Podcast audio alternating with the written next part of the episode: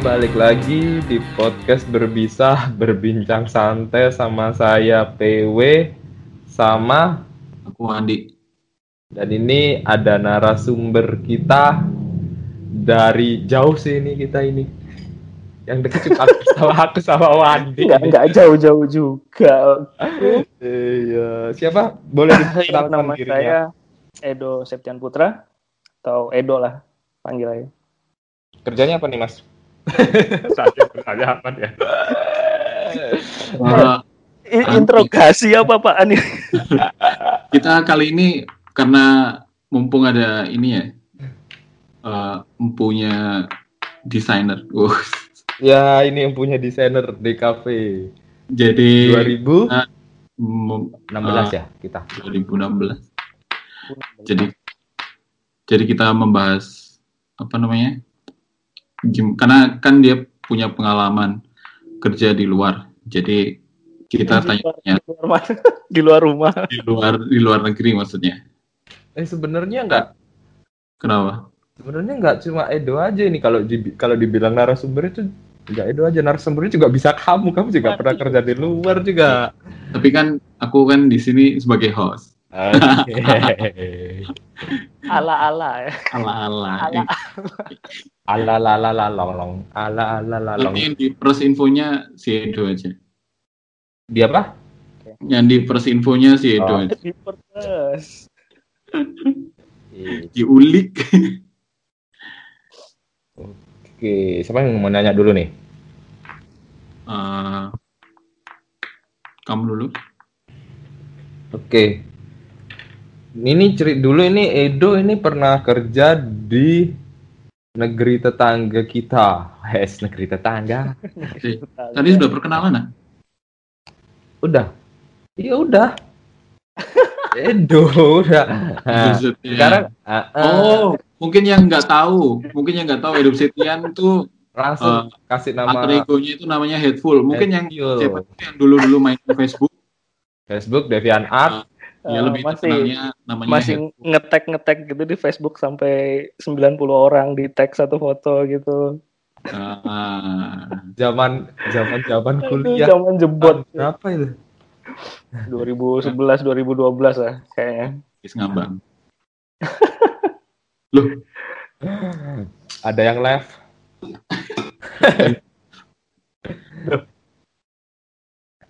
yaudah Nah. dilanjut. udah lanjutin ya Ah, nah dulu kan pernah itu juga pernah kerja di negeri tetangga nih nah kita nih mau tanya-tanya masalah sebenarnya nggak itu juga nih Wandi juga kerjanya barengan sih dulu Eh, apa berangkatnya kan bareng kan dulu Hmm, Nah, ini kita mau nanya-nanyain apa eh, rasanya dan perbedaannya di kerja di sana sama kerja di negeri sendiri sih. Kita bentar. kakaknya di Malaysia. sebelum, sebelum masuk ke situ ini aja. Apa namanya? Ya, apa? Sibuk apa sekarang? Sibuk apa sekarang, Mas? Tadi barusan Masih. habis buat kopi katanya. Sibuk buat kopi. Eh, untuk sehari-hari masih berkecimpung di IT, masih desain, masih eh, user research, masih ngajuin proposal, masih seputaran eh, dunia, ya masih dunia IT sih, masih interface design secara umum. Interface design di user apa? Di mobile apps sama web. Eh, digital product. Jadi Digital product. antara website, kadang uh, project mobile apps, kadang Ah, sistem. Hmm. sistem tuh masuk apa? Software gitu. Sistem bisa dibilang software, bisa dibilang back end, CMS, bisa dibilang uh, kayak apa? Mesin ATM gitu kan. Sebenarnya Ah, di balik itu ada tampilan apa? Interface-nya juga. Itu bisa dikategorikan sistem. Tapi memang kita kan nggak kebiasaan desain yang benda-benda yang kayak gitu. Hmm. Lebih sering buat website, lebih fokus buat mobile app Hmm. gitu gitu. Ya tapi ya, ya berkecimpung di desain lah masih ya. Mm-mm. Enggak, tapi yang tadi ATM itu ATM itu juga didesain ya, ketulis eh, maksudnya sampai di teliti research. Eh, Ad- ada disiplin kategori di bawah user experience itu kan ada human computer interaction. Jadi sebenarnya interface design itu dulunya malah uh, Tidak belum. bukan yang bukan ki- kita nggak bisa ngelihat malah di balik layar kayak Hmm. apa kayak tombol kayak apa eh, mesin-mesin yang cuma apa cuma tombol-tombol gitu kayak keyboard gitu touch dan lain sebagainya yang nggak ada layarnya sama sekali Hmm. asal muasalnya interface design memang seperti itu dulunya dan sampai sekarang pun itu masih dikategorikan dalam interface dalam artian tatap muka antara manusia dengan mesin dan Ah. komunikasi yang ada di dalamnya Ah, ah. ini kayak kuliah lagi nih aku nih.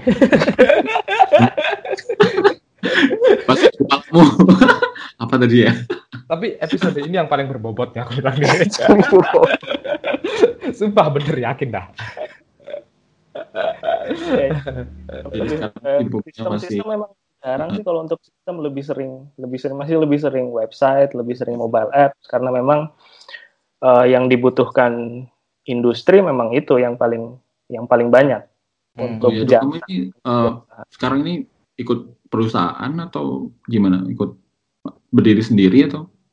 Eh, jadi awal eh bukan awal pertengahan 2017 sebenarnya udah udah dikatakan bisa dibilang udah bukan staff lagi udah eh, kayak apa outsource gitu karena pertengahan 2017 itu memang saya sudah habis kontrak dan lain sebagainya Hmm. perusahaan masih memerlukan saya. Hmm. Sementara di satu sisi saya memang udah harus pulang ke Indonesia, harus eh, ada ada ada fokus lain di Indonesia. Jadi eh, sampai sekarang kerjanya di rumah, tapi bisa dibilang full karyawan juga, walaupun di apa di atas kertas memang enggak, saya udah bukan staff lagi, Iya. tapi masih masih Staff. dianggap staff gitu. Ini yang namanya kerja Indo Indo gaji keluar dari Kayak yang kemarin aku bilang di apa? surga itu kalau kamu gaji Amerika Hmm. terus mobil Jerman, Mobil Jerman. makanan Chinese food, Nah, kan Chinese food. istri orang Indonesia.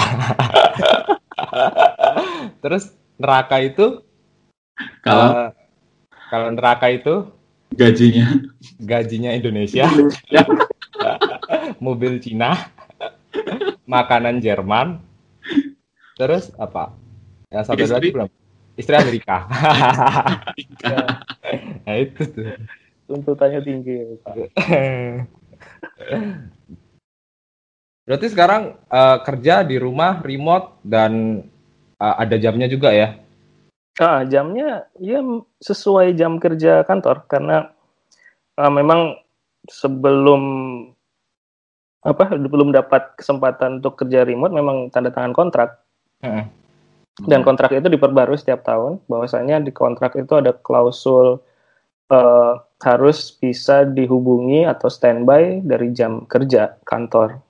Kalau di sana jam kerjanya jam 8.30 berarti sama kayak di 7.30 Indonesia Hmm. sampai jam uh, 5.30 atau 4.30 Indonesia. Jadi selama itu uh, kecuali rehat tengah hari Hmm. harus bisa Ya. dihubungi, harus Hmm. uh, standby. Dan Berarti itu- kayaknya ya lima hari kerja ya. Ah, lima hari kerja, Senin sampai Jumat. Kantor lah. Kalau Mereka hari itu ya apa? ikut sini atau ikut sana? Apanya? Kalau Liburnya? libur ada hari Oh, libur. Hmm. Hari liburnya ikut ikut sana. Ye. Ah, jadi ada hari libur yang nggak ada di Indonesia kayak baru-baru ini apa? Di Pavali, hari Ah, di Pawali. ah, hari libur umat Hindu. Hmm. Hmm. Di Indonesia kan nggak dirayakan, nggak diliburkan tuh. Hmm. Sementara di sana libur ya saya ikut libur. Berarti kalau di sini 17-an kamu di rumah ya? libur. Nggak nggak libur. Iya sih, sama-sama kayak gitu berarti sama juga sih. Kayak aku. Terus mereka ngontrolnya kamu on, eh kamu kerja itu dari misalnya kamu tahu kalau kamu bisa dihubungi sewaktu-waktu itu lewat mana? Eh, kalau untuk komunikasi Hmm, komunikasi. komunikasi sejauh ini masih uh, pakai hangout itu yang cara yang paling cepat untuk ngubungin apa untuk ngubungin saya Hmm. dengan tim Hmm. kita juga pakai yang namanya Slack Slack, Saya. ah. uh, Slack untuk tim Oh. ya, untuk upload gambar Oh, juga untuk upload kan. dokumen Nggak dengar namanya Slack. Terus, Sejenis Trello ya? ah, Uh, Trello juga kadang kalau mau upload apa checklist yang sudah ah. dikerjain uh, Tapi tas yang belum selesai masuk Ya. nggak nih suaraku? masuk masuk masuk. Ini agak putus-putus misalnya koneksi nih. jeng jeng Di, di- ini. Pokoknya kan harus pokoknya harus on gitu ya di sosial media apa platformnya itu tadi kan ya. Uh, walaupun sebenarnya di Hangout saya matiin apa indikator onnya itu apa yang Ah iya. hijau bulatnya itu saya matiin. Aku pernah dulu kayak gitu masalahnya. Jadi waktu itu aku juga kerja ya remote gitu. Oh. Nah itu kan kan harus online terus tuh Skype. Nah pas itu Oh. malas kerja, malas kerja aku ada Skype di apa di mobile pun aku nyalain aja. Terus aku Hmm. ngomongnya ya kerja padahal jalan-jalan keluar. Nah, kalau nggak ada kontrol kayak gitu gimana ya? Biasanya ada yang perusahaan yang kalau yang dari luar gitu eh, dia harus on kamera gitu. Skype kadang dia apa atau eh, share screen gitu-gitu kan. Mhm. Biar bisa dikontrol kerjanya. Iya share screen. Aku pernah denger yang itu kemarin temen adik tingkat kita tuh. Kerjanya mah kan dia dihitung gajinya per jam. Jadi misalnya kamu klik ada apps apa, kamu eh, software apa, kamu klik jam segini, nanti di countdown-nya itu kamu harus selesai jam segini. Ya itu dia harus kerja terus. Maksudnya di share screen dan dia bisa tahu kamu ngelakuin apa aja. Buka YouTube itu tahu mungkin ya. Mhm, Bener-bener. Padahal satunya pakai PC. Jadi bisa. Tapi tetap am apa di share screen tuh eh, dia bisa ngelihat apa website apa yang dibuka gitu berapa persen dari waktu countdown itu Eh, berapa kan persen mengunjungi Google, mengunjungi YouTube, mengunjungi website tertentu tuh ada bisa Ah. kerekam. Tapi kan kalau itu kan kalau kita pakai satu mesin, misalnya kita pakai laptop aja. Tapi kalau pakai dua, misalnya pakai satunya pakai laptop, satunya pakai PC. Nah, Nah, aku ada liatin nih. aku dulu pernah ada gerak-gerak. Ah, ah, benar ada ada pengalaman dulu sama temen eh, yang di Singapura Hmm. karena aku juga Hmm. buat sampingan Hmm. itu time trackernya dia Hmm. bisa ngambil gambar setiap 15 menit layar Hmm. kita Oke. dia dia screenshot semua layar kita Hmm. jadi ya kelihatan kalau kalau mouse-nya diam aja atau nggak ada perubahan dalam Mouse-nya desain diam aja. nggak ada perubahan desain gitu ini masih ini jalan apa enggak Iya. sebenarnya sebenarnya kelihatan Gila nih orang kerjain pakai ilmu batin nih, kursor gak gerak.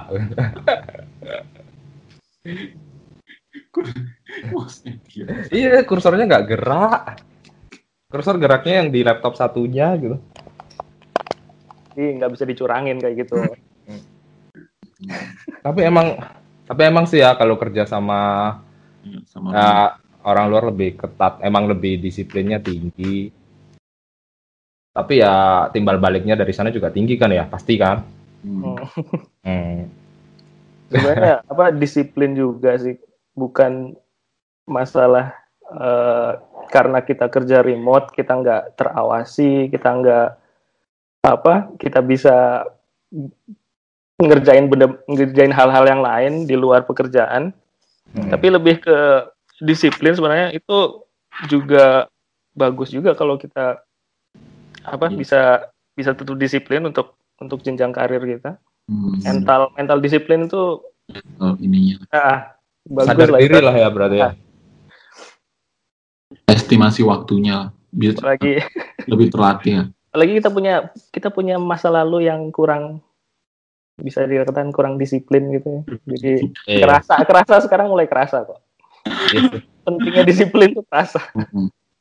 Ah, tadi kan ini ya, ka- kamu bisa sampai remote kerja di Indonesia itu kan karena dulunya kamu kerja di luar kan, maksudnya di di, di Malaysia kan. Hmm. Nah, kamu ceritain dok, kamu kenapa bisa sampai ke sana itu awalnya gimana? Nah iya tuh. Kemarin ya. Menanyakan diri sendiri ya. Kan banyak tuh orang-orang kok bisa kerja di luar, kok bisa kerja di luar gimana? Nah, Oh, ah. Eh, kerja gimana sampai keluar bentar. Eh, ini mau yang versi singkat atau yang versi yang agak panjang? Yang Blu-ray ada. 4K Oke. yang Apa jangan 3 GP. yang lengkap juga nggak apa-apa. Lengkap, lengkap. Yang lengkap juga nggak apa-apa. Oh. Hmm. Kita mah bebas durasi. Santai nggak ada iklan di sini. Kita nggak di bawah apa para corporate corporate yang mau mengeruk. Waduh susah nih. berat, Udah, udah, ngomong dah. berat, berat, Pak, berat, Pak. Nggak ikut-ikut, Pak, nggak ikut-ikut. Iya, udah lanjut. Terus Eh, tahun berapa ya itu ya? Eh, 2013. 2013 2012 kalau nggak salah. Kalau nggak 2011 ya. 2013 sih. kayaknya 2013 tapi bisa sampai ke sananya mundur ke belakang lagi apa Hmm. dulu waktu itu saya sama Wandi Hmm. kita Saya pak. iya sama si Wandi. Ini si Julham nih nggak tahu. Eh, dulu apa pernah buat freelance dan eh, beberapa project yang masuk adalah project game. Heeh. game design. Kita buat uh, karakter kita buat background kita buat uh, game design lah secara utuh gitu. Uh, satu project yang cukup besar uh, itu adalah urban kurban Hmm. itu tahun berapa ya aku juga lupa sebenarnya Sekitar 2013 gitu. ya? Nah, Hmm. waktu itu aku taruh urban kurban itu di Behance Hmm. sama di Facebook Hmm. eh, kayak portofolio gitu. Kemudian eh, ini yang cukup banyak mendatangkan klien-klien berikutnya. Nah, salah satu kliennya yang datang itu adalah eh, salah satu, satu teman namanya Sarif. Dia dari Singapura. Waktu itu dia minta buatkan eh, apa? Apa itu Ham, waktu itu Ham? game Game Bank. ah, ya, ah, Maksudnya ah, game bank, bank. ah, untuk bank. Oh, aku tahu pikiranmu mah. Gempeng. Maksudnya bank ya. game untuk bank. Ah. Bank. Eh, game untuk bank gimana itu? Konsep lah, konsep bank konsep. Jadi kayak apa? Ibaratkan si AMB Niaga gitu buat, Oh, buat game. media promosinya. Ah, salah satu media promosinya adalah game. Game. Nah, Ah, ah, ah. itu masih konsep sih. Hmm. Dan apa dari perbincangan itu dia tertarik dengan kemampuan kita. Hmm.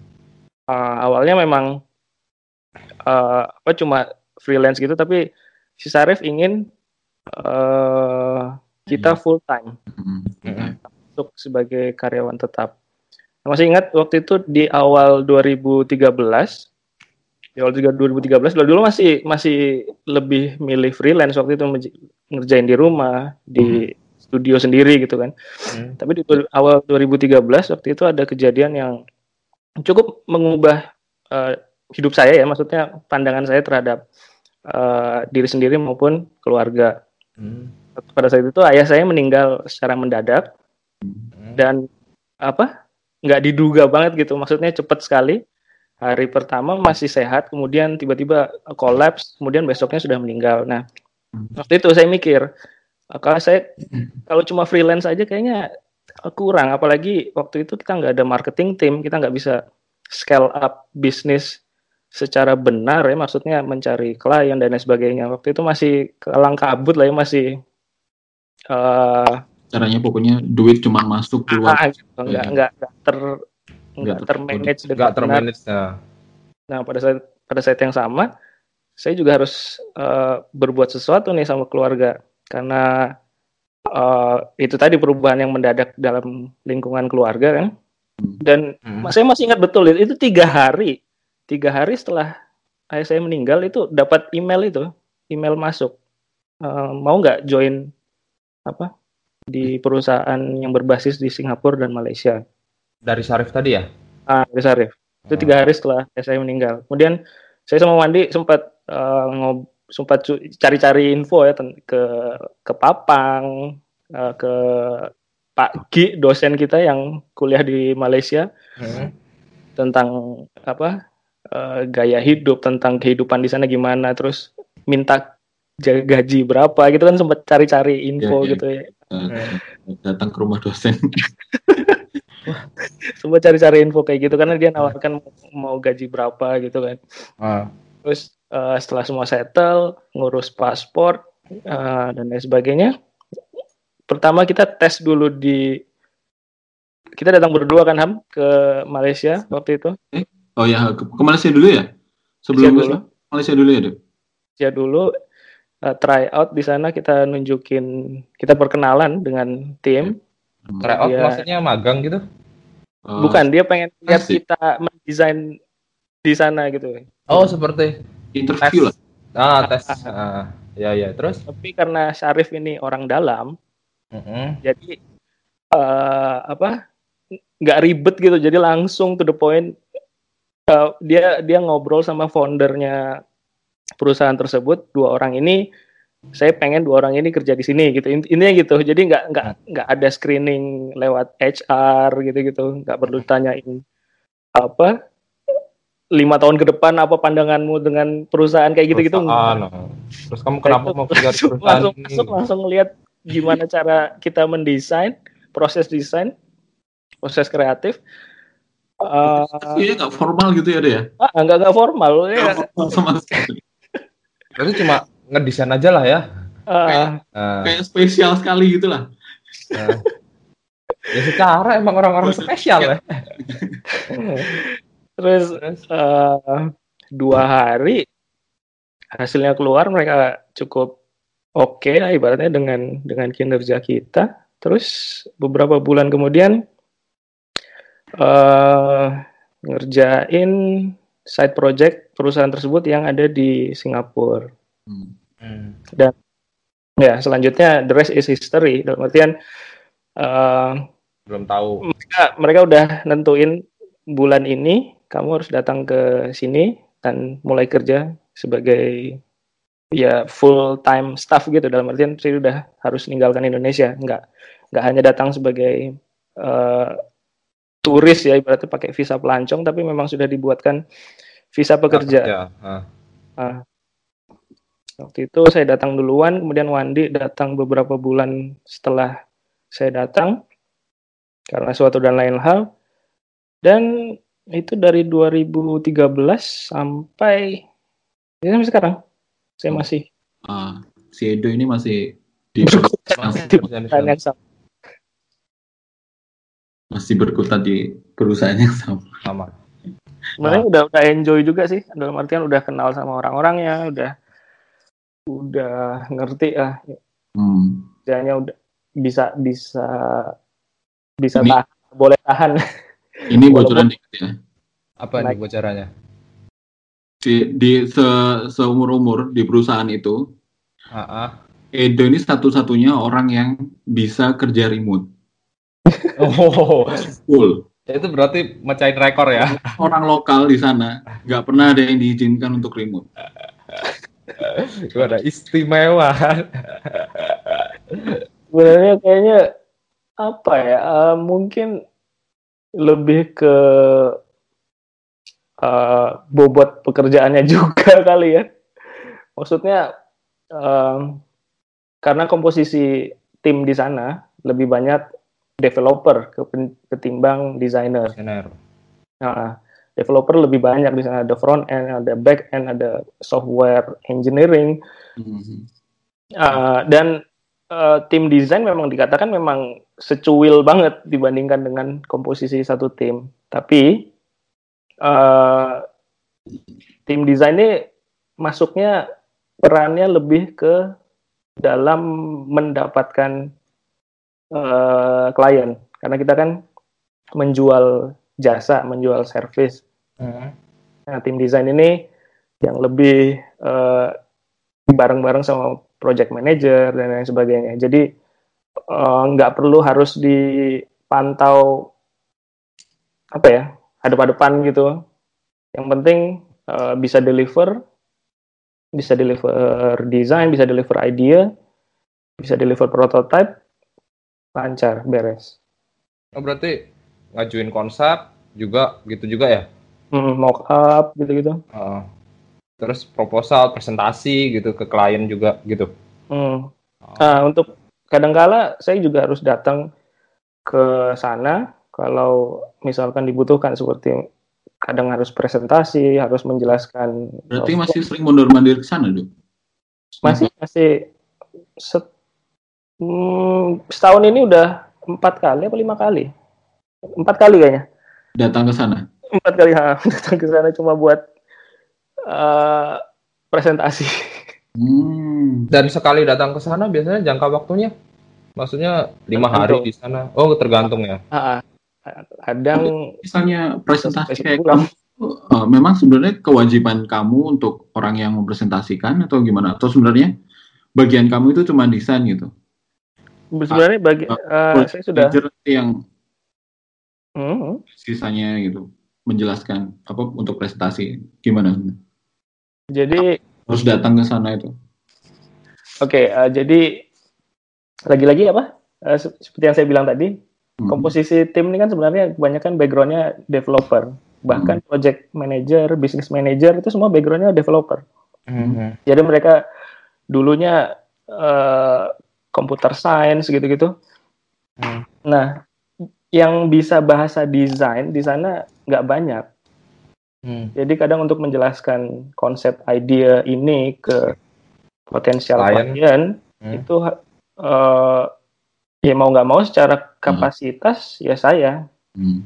saya yang harus menyampaikan eh, flow-nya seperti ini konsepnya seperti ini idenya seperti ini terus kemudian eh, kalau ada user research apa untuk mencari tahu apakah benar solusi yang kita tawarkan ini memecahkan masalah berdasarkan matriks-matriks yang disampaikan gitu Uh, yang kapasitas itu uh, nggak nggak semua orang punya gitu ibaratnya dan uh, pada suatu titik memang saya harus datang ke sana kalau memang benar-benar nggak bisa dihandle Hmm. oleh tim uh, yang ada di Malaysia Jadi secara nggak langsung kamu juga belajar hal baru ya. Hmm, benar benar dari kalau kalau saya buat garis gitu eh, kayak dulu dulunya desainer grafis kemudian lompat jadi eh, UI designer kemudian lompat jadi eh, digital product manager gitu Mhm. eh sorry sorry digital product designer Hmm. Eh, ya itu ada ada lompatan-lompatan yang saya juga nggak nyangka kok bisa saya nyampe di sini gitu Hmm. padahal dulu padahal dulunya desain grafis ya ya itulah misteri ilahi Tapi itu bisa nyangsang di sini gitu. waktu di kantor yang ini gitu yang yang dimaksudkan itu itu aku juga pernah di posisi seperti itu gitu ketika eh, pro- eh, project manajernya itu sakit aku harus datang ke perusahaan untuk perusahaan tertentu untuk presentasi gitu dan itu memang pengalaman yang ini sih Iya. Pertama kali juga ya. terlupakan So, benar-benar shock lah itu itu rasanya gimana kan baru pertama kali juga kan kamu pastinya tuh Ah, ya mem- men- apa ya menjelaskan ya sebenarnya menjelaskan apa yang kita desain aja sih. Cuman kalau Hmm. eh, tanya detail-detail eh, selama itu masih di seputaran desain aku masih bisa menjelaskan gitu. Tapi kalau nanti larinya udah ke program ini ini masuknya gimana nanti ini ngambilnya dari mana nah, itu aku udah nggak bisa jawab itu. Mhm. tapi belibet sih biasanya ngomong sama klien juga Hmm. terus Eh, apa Iya. Apa deh? Terus kan banyak hal baru pastinya di sana. Tadi kayak apa? eh lompatan-lompatan tadi tuh. Jadi eh, kamu dulu belajarnya baru misalnya tahapnya eh, 20% naik ke 40, sekarang jadi 100 mungkin gitu kan. Nah, Hmm. terus kan ada lingkungan-lingkungan baru juga tuh. Lingkungan Hmm. kerjanya itu lebih gimana gitu dari dari Indonesia sendiri. Eh, Adaptasinya lama nggak sih? adaptasi nggak begitu lama soalnya masih serumpun kan Ma masih dalam artian masih Asia Tenggara lah ya, masih nggak begitu jomplang budayanya, Hmm. kulturnya, makanannya, orang-orangnya juga nggak begitu jomplang banget. Jadi nggak begitu banyak masalah, cuma mungkin eh, makanan ya, saya agak pilih-pilih. makanan di Malaysia ini agak ada gimana gitu dibandingkan makanan Indonesia gitu. Jadi yang apa? eh, pendengar Malaysia, tolong di dipertimbangkan lagi. Di di band ya. Nah, eh, selain itu apa ya? Hmm, mungkin kalau apa? sistem kerja gimana? Di? Oh sistem kerja. Sistem kerja eh, mungkin kalau di luar gimana gitu? Kalau kalau Manajemennya memang bener-bener lebih tertata gitu. misalnya kayak gitu atau gimana? Hmm, saya nggak bisa komparasi ini soalnya saya nggak punya pengalaman kerja di Indonesia. nah, Lah, bener mau bandingkan gimana ya cara? Saya nggak pernah kerja di Indonesia. Maksudnya atau mungkin karena kamu pernah dengar-dengar atau pernah ini sharing dengan temen yang dari Indonesia perbandingannya gimana?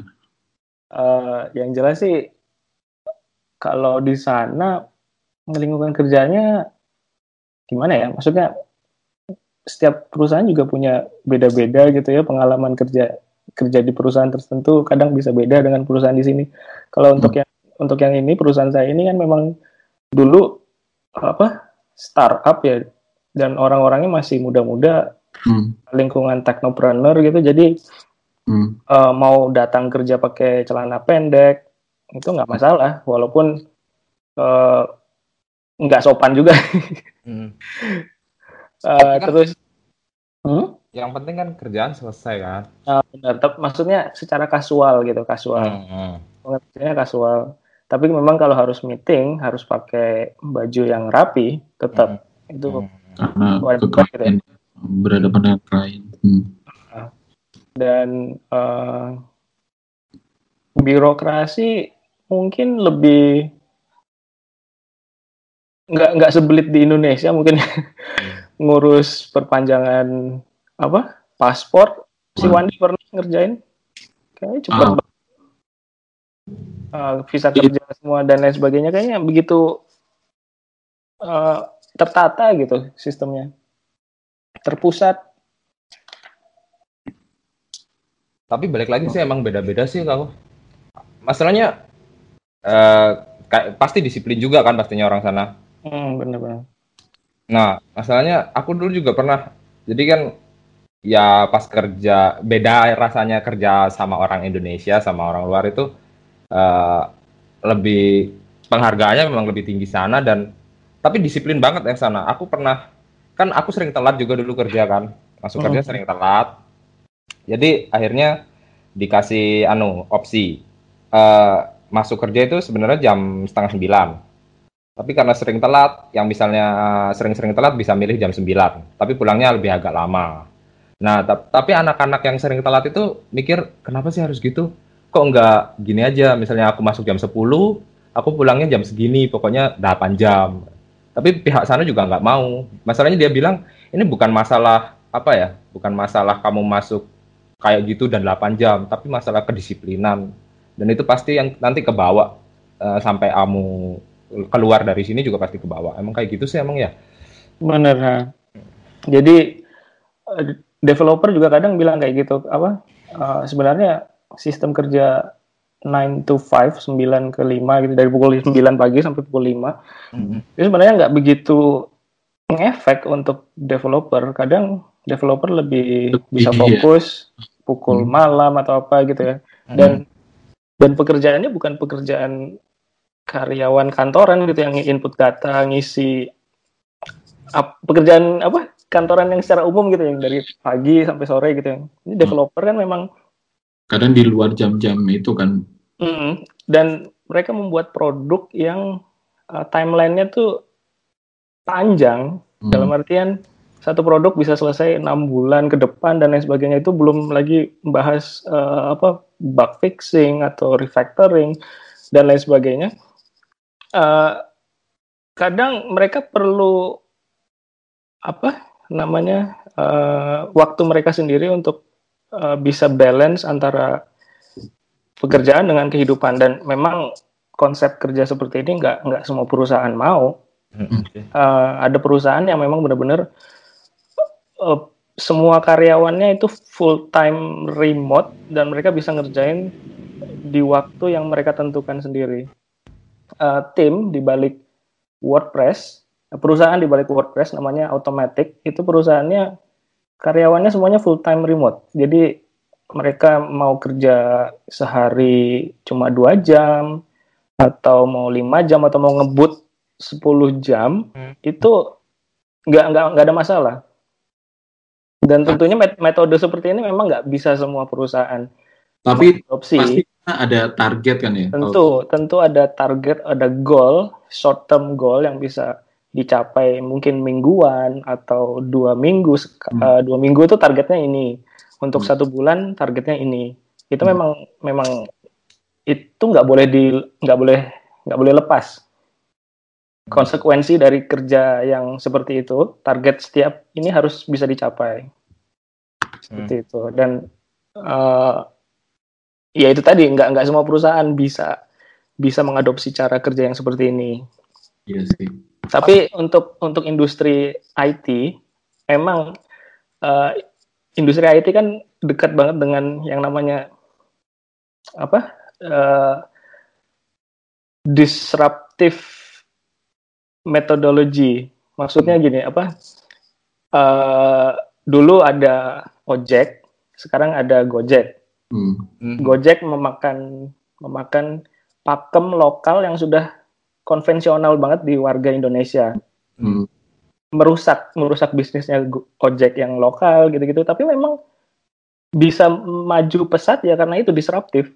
Mm-hmm. Terus uh, metode ini apa yang full time remote working kita nggak perlu kerja ke kantor mm. untuk uh, untuk jadi karyawan gitu. Metode mm. ini kan memang dari industri IT dan mm. memang konsep-konsep seperti ini uh, cukup dekat dengan industri, industri IT dan paling mungkin diadopsi oleh industri IT untuk kantor-kantor yang yang berkecimpung di dalamnya gitu. Hmm. Kalau untuk uh, perusahaan yang lain mungkin kan nggak bisa nggak bisa sefleksibel ini gitu. Iya. Yang tapi, memang paling nyeleneh sih. Tapi gitu bisa jadi bumerang loh ke kita sendiri. Betul. Jadi, ya, kayak aku aku sekarang posisi juga kerja remote gitu kan. Hmm. Jadi nggak ada waktu uh, terserah kamu mau kerja kapan, tapi kamu sebulan harus ngerjain segini. Ya. Hmm. Tapi ya itu Jadi setelah aku kerja di kantor dulu, terus sekarang kerja di rumah remote dengan cara seperti itu, sistem seperti itu, semua apa ya habit-habit burukku keluar semua ya. Mulai bangun siang, udah kadang-kadang kamu juga gak kerja gitu. Kadang-kadang sudah kepentok deadline itu akhirnya ngejar-ngejar juga. Udah pokoknya harus selesai dua hari ini harus selesai. Ya. Dan hasilnya lagu ya. Iya, dan hasilnya revisi semua. revisi semua aduh ya apa kita terbutakan oleh ini apa kebebasan mm -mm. tapi memang ya itu lagi kembali lagi gimana kita bisa memanage waktu sebenarnya waktu sih yang jadi masalah tuh kedisiplinan dengan waktu gitu gimana kita mau memainkan keduanya ya kembali lagi kepada diri sendiri. Mm -mm. gitu. Ya disiplin itu emang susah sih apalagi kayak dulu kita di lingkungan kuliah juga anak-anaknya kayak gitu juga sih ya. Kurang disiplin juga sih gitu. Eh, nanti dimarahin sama Pak Japan ya Telo. Siapa siapa yang dulu manggil kita Telo? Lupa, Pak ya? Pak siapa? Lupa aku juga. Uh, kepala fakultas ya? Ah, eh kepala fakultas siapa lah? Udah lama nggak kuliah juga. Fakultas seni desain. Fakultas seni desain. Ya, itu masih ingat saya perkataannya yang sangat menggelegar itu. Sama itu tuh. Kalau KRS-an biasanya KRS-an mesti kan anak seni desain sama seni rupa ya telat terus kan. Hmm. uh, terus pas datang ke apa TU TU ya namanya tata usaha bagian tata usaha ini yang telat-telat ini pasti anak seni desain sama seni rupa ini. Ini kalian mau menzolimi karyawannya. kalian zolim ya zolim kalian Zolim. Oh, I see. Ingat kan? Ah, ingat, ingat, ingat. Aduh. Kita dikatain menzolimi orang, udah dosa banyak. Ya, bayarnya paling mahal. Makanya. Terus lanjut lagi. Tanya apa lagi nih dia? Nggak nyampe apa-apa juga sih masalahnya. Um, Bingung nih. bagaimana dengan komunikasi, dok? Maksudnya walaupun kita satu rumpun kan pasti ada kalau kerja di luar kan pasti ada ada beberapa perbedaan ya. Ka- ka- kamu sekarang pakai bahasa apa sih kalau misalnya di sana? kalau sama tim pakai bahasa Malaysia maksudnya eh, kan kebanyakan memang dari sana timnya orang Malaysia, Malaysia. maksudnya warga Melayu bukan warga asing.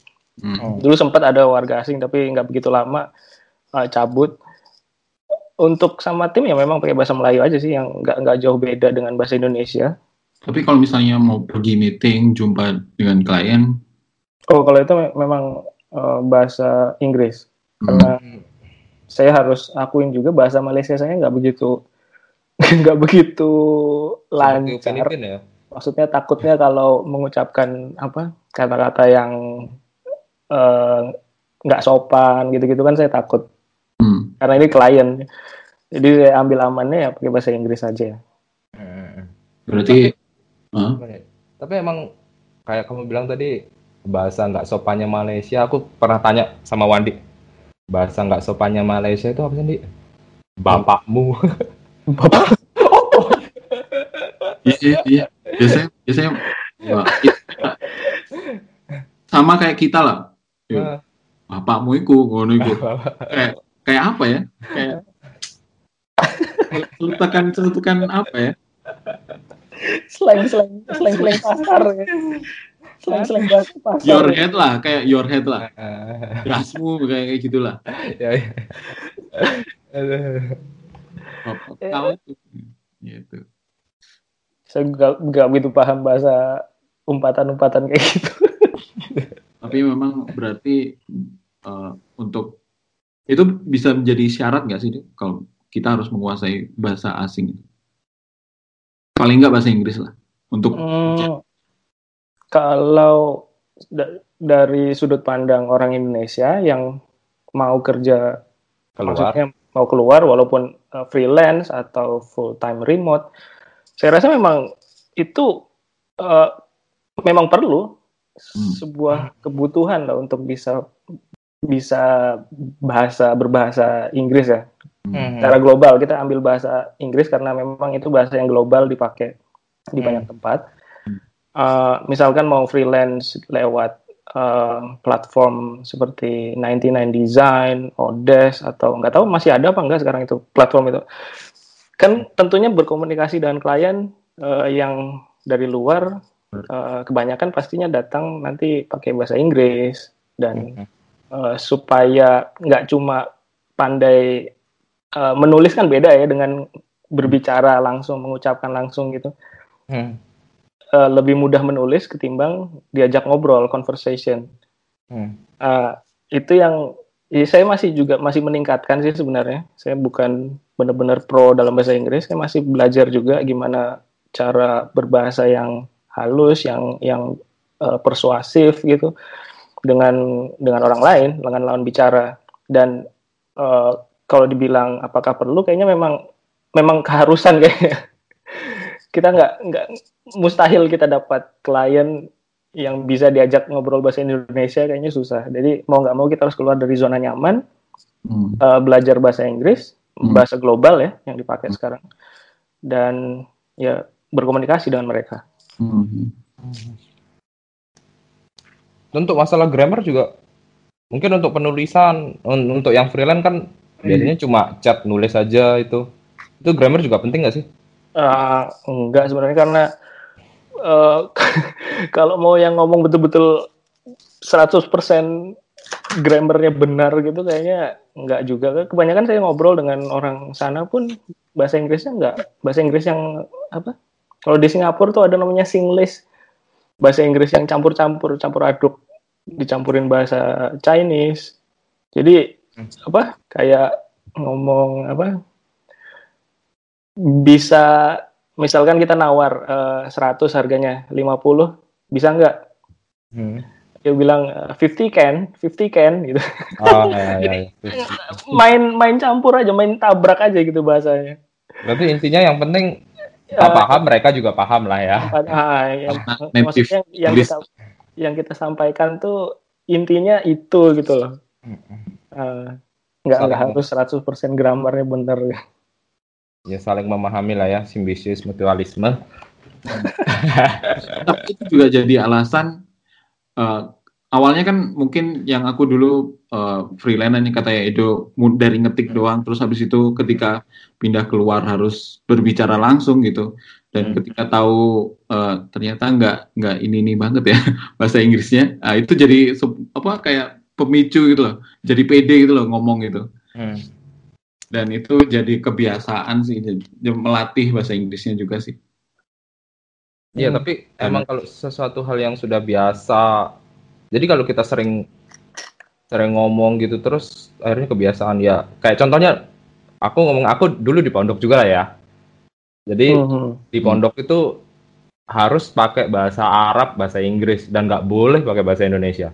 Hmm. Dan itu akhirnya alhamdulillah lancar pas dulu tiga tahun di pondok. Setelah keluar kan nggak pernah ada lawan bicara untuk ngomong bahasa Inggris sama bahasa Arab kan. Hmm. Nah, dan akhirnya juga lupa juga akhirnya. Iya. berarti emang harus dilatih ya Iya, emang harus ada kebiasaan kayak gitu. Jadi intinya lebih bagus kalau bisa lah ya. Hmm, Hmm. bener. Terus ke kayak ah ini. Jadi pas kalian mau berangkat ke Malaysia dulu ya? Malaysia dulu apa Singapura? Eh, Malaysia, Malaysia. Singapura, Malaysia. Nah, jadi pas mau berangkat pertama kali mau berangkat ke Malaysia tuh hari pertama sebelum berangkatnya tuh kalian mikir gimana sih? Waduh besok dulu ya. Malaysia nih mau Bismillah dulu. Bismillah dulu ya. Waktu itu kayaknya ngeblank gitu ya, kita bener-bener nggak mikir apa-apa kayaknya. Hmm. Eh, gini, waktu itu gini do. Gimana gimana? Kita itu kayak punya dua tujuan gitu loh. Kayak dua line yang berbeda. Kita mau meneruskan ini studio Hmm. atau kita cari pengalaman baru gitu. Hmm, bener.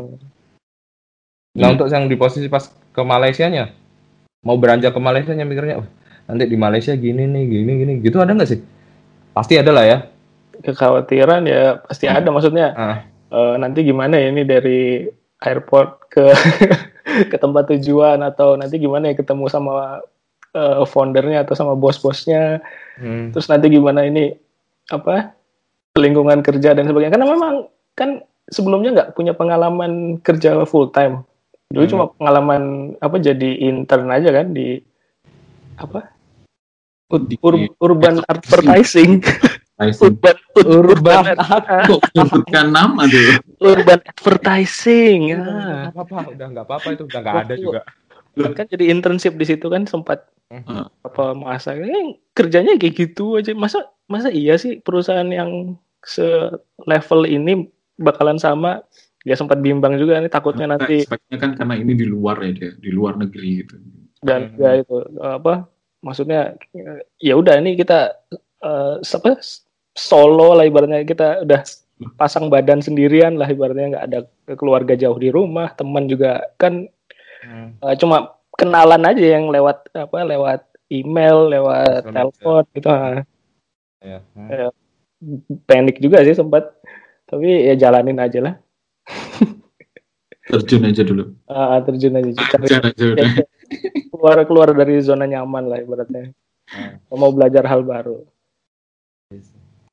Anu apa belajar emang penting sih ya kalau apa ya kayak ada orang sih ngomong ada artikel orang apa lupa aku.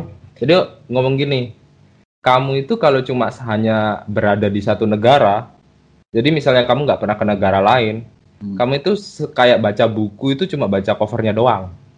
Lihat covernya doang. Jadi kalau kamu pernah ke negara lain terus tahu budaya-budaya lain kamu hampir bisa mengetahui semua isi buku itulah Nah, um, ya, um, jadi um, gimana dong? Maksudnya dari dari dari situ kamu uh, menurut kamu setelah kamu lama tinggal di sana itu gimana? A ada perubahan misalnya lebih lebih terbuka pikirannya atau gimana? Hmm, iya sih sebenarnya lama di sana malah apa sempat mikir sebenarnya nyesel juga malah apa lulus kuliah lambat gitu-gitu hmm. Men menyesalnya kemudian harus harus harus saya akuin hmm. uh, ketika kerja di sana itu ngelihat apa yang fresh graduate lulus tepat waktu kemudian udah bisa kerja full time kemudian dia bisa yeah. bisa jalan-jalan dan lain sebagainya bisa nabung Bener. Itu kayak waduh kok kayaknya aku aku ngapain aja gitu ngopi doang kita di pajak sempat sempat ngelihat eh, eh orang-orang ini di sana itu memang sudah dibebankan sama biaya pendidikan ya mm -mm. dan mereka harus ya. harus harus ah, kan hmm. banyak banyak yang mahasiswa gitu kan ngambil apa bantuan ibaratnya kayak beasiswa gitu ya. Tapi eh bukan beasiswa juga. Utang utang. Utang. untuk untuk pendidikannya. Jadi hmm. setelah lulus mereka nanti harus membayar hutangnya tersebut. Nah itu memang uh, cukup uh, cukup umum di di Malaysia dan di negara lain juga. Hmm. uh, dan ya itu karena ada itu jadi mereka bisa benar-benar harus uh, bersikap dewasa menyikapi hal tersebut. Karena setelah lulus kita nggak cuma langsung cari kerja tapi gimana caranya untuk ini bayar hutang tadi bayar hutang itu membayar hutang pendidikan ini hmm. memang ya itu dia masalah mungkin dari situ ada ada pendewasaan pada diri orang tersebut hmm. tapi saya ngeliat juga apa industri IT kan waduh di, demandnya tinggi sekali dan gajinya pun lumayan kalau untuk software engineer dan lain sebagainya itu hmm. hmm. itu sebabnya mereka uh, bisa dengan mudahnya keluar masuk perusahaan. Jadi di perusahaan ini eh, dua tiga tahun kemudian keluar cari perusahaan yang lebih brandnya lebih terkenal gitu, kemudian kerja di sana, cari pengalaman gitu. Mereka nggak nggak takut untuk untuk lompat uh, keluar masuk perusahaan gitu. Hmm. Dan itu kayak nggak dibatasi dengan umur gitu. Kalau hmm, aku lihat benar. Oh jadi di sana itu kalau mau melamar suatu pekerjaan nggak dibatasi umur juga? Kayaknya lebih ke pengalaman ya. Oh, oh. pengalaman ya. Ayo sih. Aku punya temen ya, dia umur sekitar umur 32 itu uh, biaya kuliahnya itu baru lunas. Hutang kuliahnya itu baru lunas di usia 30 lebih. Karena dia harus nyicil uh, rumah dan kendaraan lainnya gitu. Hmm. Ya itu itu downside-nya hmm. apa? Eh, teman-teman uh, kerja memang punya banyak yang kayak gitu ya. Ada yang udah nyicil rumah udah nyicil kendaraan dan nyicil hutang pendidikan mereka gitu. Jadi ya ya kelihatannya sih dari luar oke okay aja tapi ternyata di baliknya ya seperti itu. Tapi bukan maksudnya menjelekan tapi memang uh, apa mereka punya kewajiban di balik itu ya hmm. yang harus yang harus dijalankan gitu. Dan uh, konsisten Hmm. Karena kalau belum lunas ada saya pernah dengar kalau, kalau belum lunas apa utang pendidikan itu nggak boleh keluar negeri. Oh. Nah, itu aku baru dengar itu. Ah, ah, paspor eh yeah. bukan uh, kayak ah, ah, paspor tuh kayaknya nggak boleh dikeluarkan. Hmm. Itu kebijakannya di Malaysia sana ya? Betul. Ah, jadi kamu nggak boleh lari dari Malaysia. Oh. Tapi ya lebih baik gitu sih, kan ada tanggungan juga kan akhirnya ada tanggung jawab juga sih dari dia. Hmm, benar -benar. Tapi oh. main, berarti mindsetnya orang sana itu anu ya pendidikan nomor satu sih emang ya berarti ya. Tanggung gitu ya. Iya tapi ya itu lebih baik juga sih ya. Uh, mungkin lah ya mungkin bisa, bisa seperti itu kan kamu dari pendidikan bisa cari uang ya kayak nabi siapa dulu nabi Musa eh yang kaya itu nabi siapa Ismail ya uh -uh. nah itu ditanyain kamu mau dikasih sama Allah tuh mau kamu mau kasih kekayaan apa ilmu dia minta ilmu kan hmm, bener-bener. Lebih baik ilmu lah. Kamu punya ilmu dapat uang bisa cari uang. Kamu dapat dapat uang ya habis juga uangnya kalau nggak ada ilmu. Tapi ya kembali lagi sih ke masing-masing apa Individu. masing-masing individu. Karena dulu waktu saya tahun-tahun pertama di di perusahaan di lingkungan baru lah ya, Hmm. itu sempat ada apa eh, krisis identitas Eh, antara pribadi yang mau mau jadi seniman atau mau jadi desa- desainer gitu Mau jadi Mau- ya ya ya ya. mau, mau, berkarya mau berkarya untuk buat karya Hmm. atau jadi desainer jadi eh, jadi katalis eh, jadi eh, memecahkan masalah gitu untuk orang lain sempat sempat eh, ya sempat bimbang gitu Oh iya, makanya itu eh, Edo ini aku lihat ya dari dulu kan aku temennya juga udah lama gitu. Jadi dia itu dari mulai yang eh, desain ilustrasi, terus ke mana? Ilustrasi, terus Aktor. eh, painting, fotografi, sinematografi, tipografi, UI, UI UX ini dibabat semua sama dia. Hmm. Dan itu karyanya nggak pernah ada yang di bawah standar lah. wis wis wis wis wis wis terbang saya pak Jangan ini podcastnya belum selesai juga jangan terbang. Eh, tapi balik lagi kayak ngomongin yang tadi kamu krisis apa? Krisis Identitas. identitas, tadi kan ya. Kayak kamu harus mau lari ke mana. Tapi tadi aku baru tadi tuh ya. Aku sempat omong-omong, ngomong-ngomong sama temanku. Hmm. Jadi sama temanku, dia juga pemer, eh, eh, untungnya juga tahu lah masalah angkatan kita gitu. Jadi emang pas zaman-zaman angkatan kita itu seni desain yang ada di salah satu perguruan tinggi di Malang. Aku nggak mau nyebutin namanya. nah itu Mm-mm. Terus? seni desainnya itu emang pas zaman kita itu emang bener-bener lebih lari ke seni rupa sih. Nggak nggak pure seni desain sih kalau aku bilang. Secara juga dosen-dosennya kan banyak di seni rupa kan. Iya sih lah dari seni rupa ya. Mm-mm. Dosen-dosen kita banyak dari yang seni rupa kan sebenarnya. Hmm.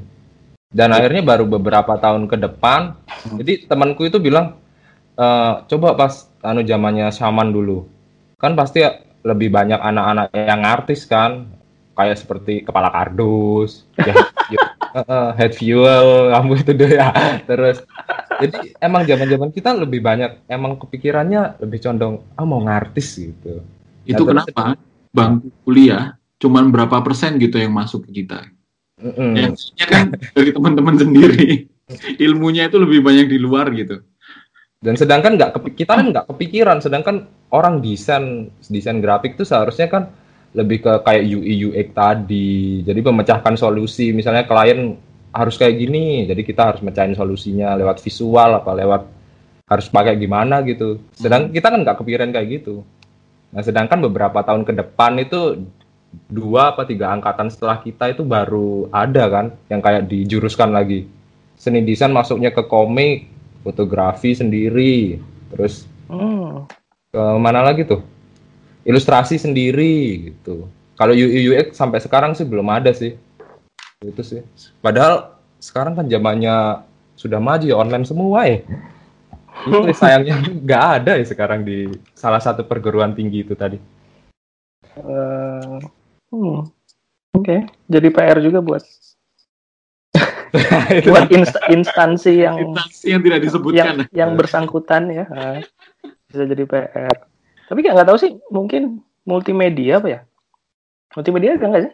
Nah, multimedia kalau aku bilang lebih ke anu sih dia malah ke animasi. Oh, Eh, sedangkan yang kayak UI UX itu belum belum pernah kesentuh sih kayaknya.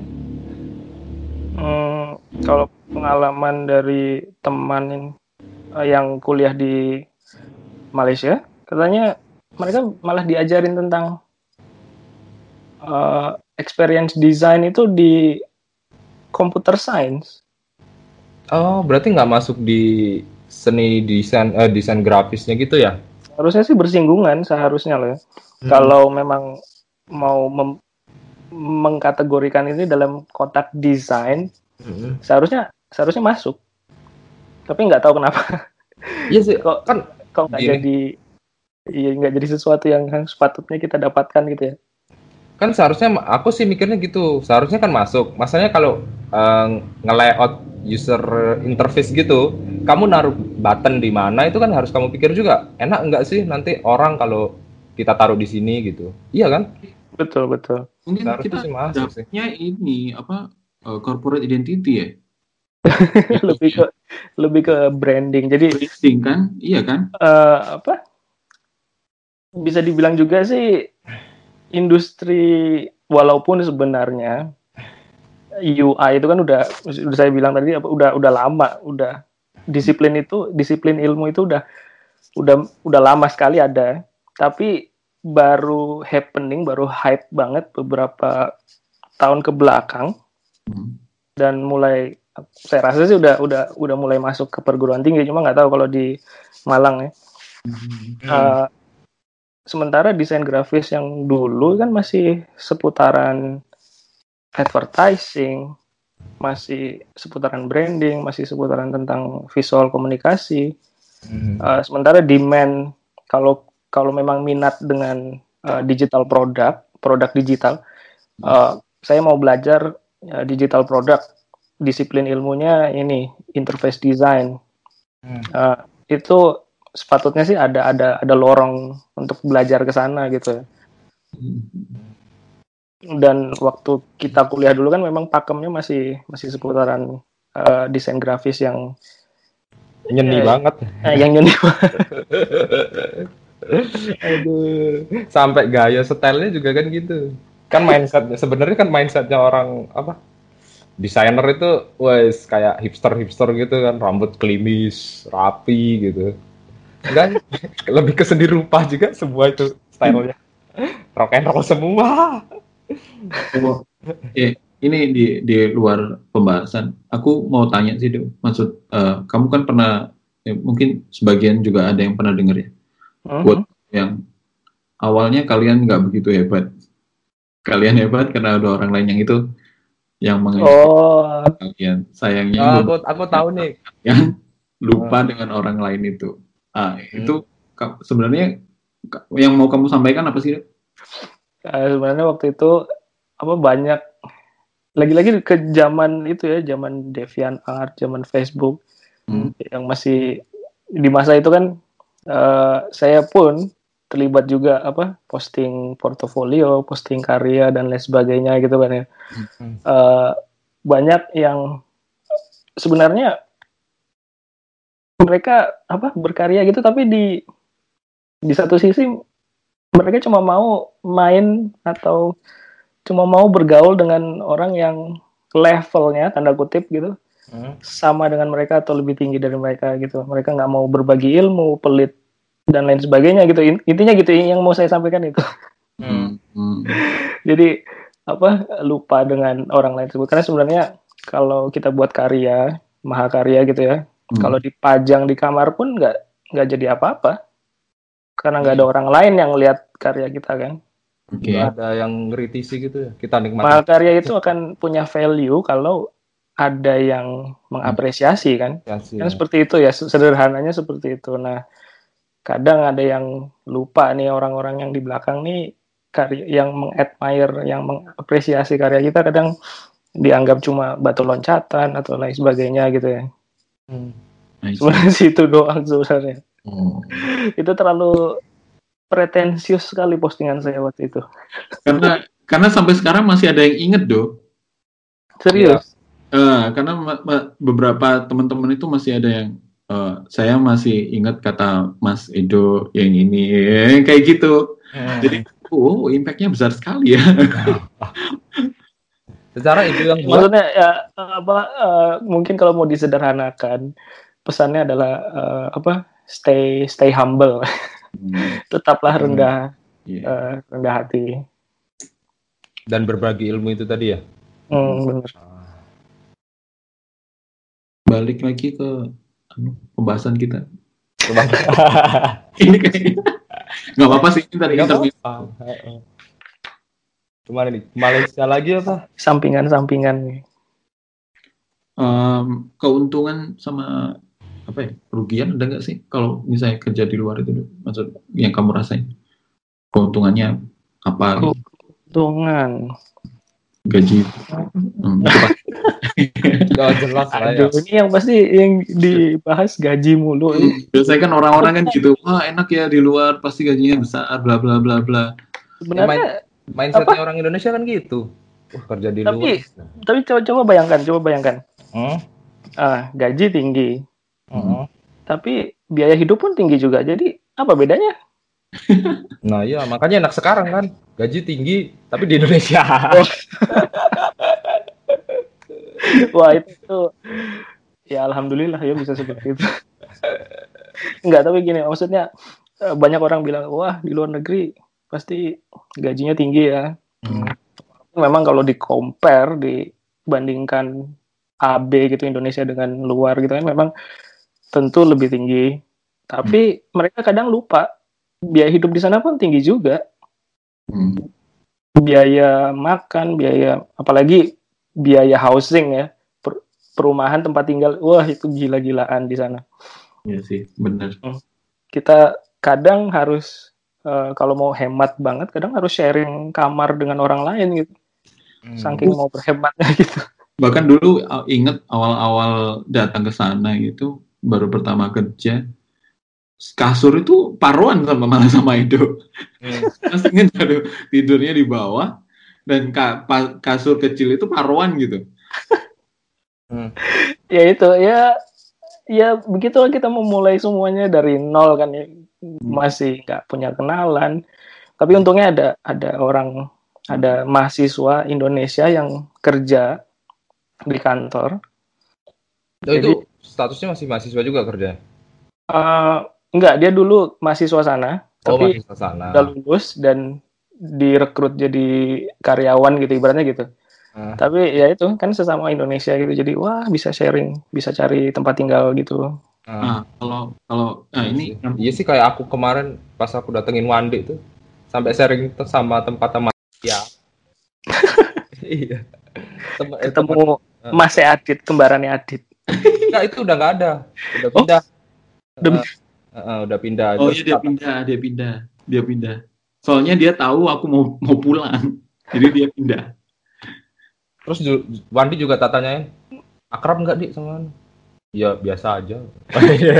Iya. yang mana yang mana yang Kamu yang, Chinese, yang dua yang Chinese kayaknya emang- enggak ya? ini sih nggak terlalu ini Enggak Kecuali- terlalu akrab ya. Iya. Oh ya, yo ini apa namanya? Aku mau tanya apa tuh? Kenapa kenapa? Ah kan sambil lupa kan? Ada apa? Ada apa? Kamu baru masuk usia 32 loh. Sebut Eh. usia juga. Gila orang menyebutkan umur. Masa udah lupa? Apa? Kamu dulu aku ya, inget-inget lagi. Nah ini aku malah mikir nih mau nanya apa nih. aduh, aduh. Atau eh, lanjutin yang tadi Ini apa? ini tuh.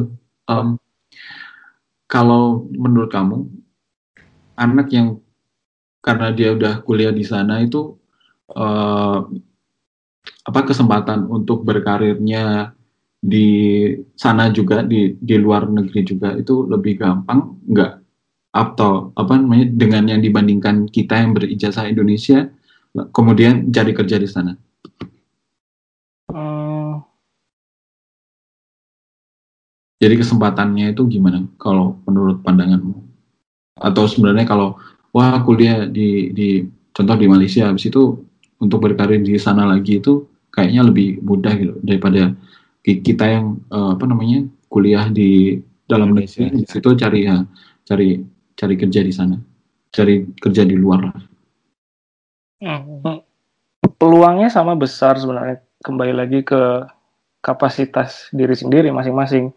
Tapi kalau ngelihat dari sudut pandang saya, saya eh, beberapa mahasiswa Indonesia yang kuliah di Malaysia, mereka punya karir yang bagus-bagus malah. Hmm. Maksudnya eh, kembali lagi ya ke ke kapasitas masing-masing. Saya nggak tahu apa faktor yang membuat mereka uh, mungkin semangat belajar atau kan ada yang bilang kalau mau kuliah ke luar negeri gitu biasanya anak-anak yang kemandiriannya tinggi atau mereka pokoknya hmm. pingin apa pengen belajar pengen mengasah kemampuan atau menjadi lebih pintar atau lain sebagainya gitu kan uh, kadang kalau orang yang punya mindset kayak gitu uh, dan terbukti juga dari beberapa orang yang saya lihat hmm. uh, mereka punya karir yang bagus di Malaysia ada yang ada yang ke Singapura ada yang bahkan melanjutkan apa studi lagi ke ke Inggris. Hmm. tapi ada juga nggak semua juga sih. Ada juga yang pulang ke Indonesia ada juga yang memang uh, ke sana cuma memang buat belajar. Kemudian mungkin nggak dapat uh, opportunity untuk bekerja di sana kemudian pulang ke Indonesia. Itu juga ada kasus kayak gitu. Jadi um, kayaknya sih nggak kembali lagi ke pribadi masing-masing ya. Mau seberapa mau kita mau punya impian sebesar apa gitu mau mau kerja di sini atau mau kerja di luar atau gimana gitu kan uh, ada banyak hal yang mempengaruhi hal tersebut ya dan kembali uh. lagi uh, ya itu kemampuan masing-masing gitu ibaratnya gitu tapi saya nggak ngelihat nggak ngelihat ada ada bedanya sih antara orang yang kuliah di luar negeri atau di Indonesia sama-sama punya potensi yang yang yang bisa besar juga maksudnya gitu. Tapi, Tapi untuk mau di di uh, teman-teman dari dari Indonesia sering kamu sering dapat pertanyaan kayak gini nggak? Gimana sih caranya biar bisa keluar negeri? Biar, gimana sih caranya biar bisa cari kerja di sana? Kayak gitu. Uh, tapi kadang, kadang sering juga sih kayak gitu. Pertanyaan yang apa maksudnya gimana sih kita bisa dari Indonesia ke mana gitu ke Jepang atau ke Korea gimana? Uh, opportunity uh, peluang kemudian kemampuan sama uh, kesempatan eh kesempatan sama peluang sama ya sama. kesempatan hmm. kesempatan kemampuan sama kayaknya ada faktor ketiganya juga mungkin keberuntungan kali ya.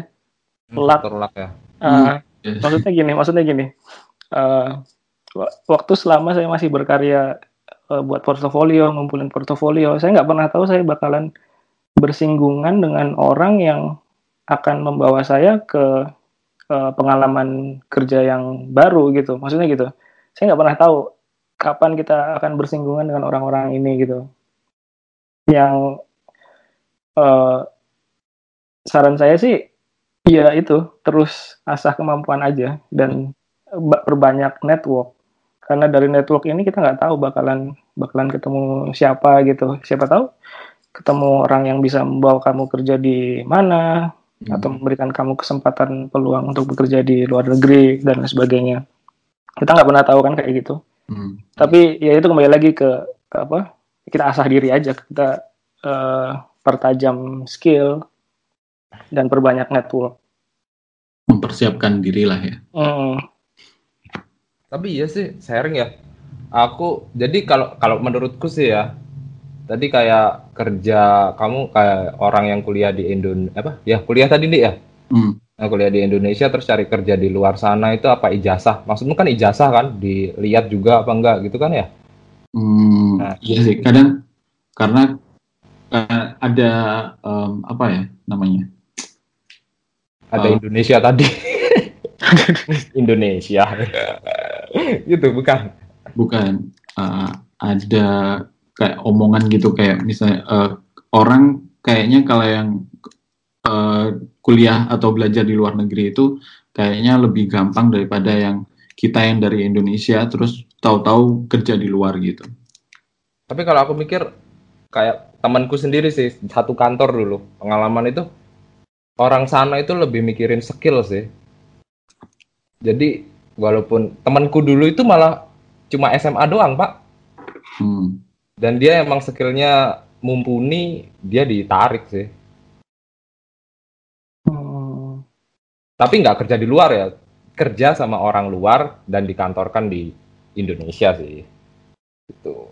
Tapi kalau mau kembali ke pertanyaan Wandi tadi, uh, sebenarnya kenapa peluangnya lebih besar orang Indonesia yang kuliah di sana terus dapat kerja di sana karena memang uh, secara geografis kan mereka udah tahu uh, lingkungannya seperti apa. Hmm. Terus mungkin dari bangku kuliah tuh mereka dapat channel hmm. uh, pekerjaan atau lain sebagainya kan mereka lebih punya apa benefit itu ya keberuntungan itu ya hmm. ketimbang dengan kita yang ada kuliah di Indonesia kemudian secara individual gitu apa seorang diri gitu mencari tahu informasi tentang pekerjaan di luar negeri. Kan beda tentunya secara uh, posisi kan memang udah dimenangkan sama yang mahasiswa yang kuliah di luar misalkan gitu kan. Kalau mau nyari pekerjaan mereka mungkin tinggal tanya teman atau atau dosen mereka menawarkan pekerjaan buat mereka. Kita yang seperti itu kan udah udah dapat benefit dari lingkungannya kan.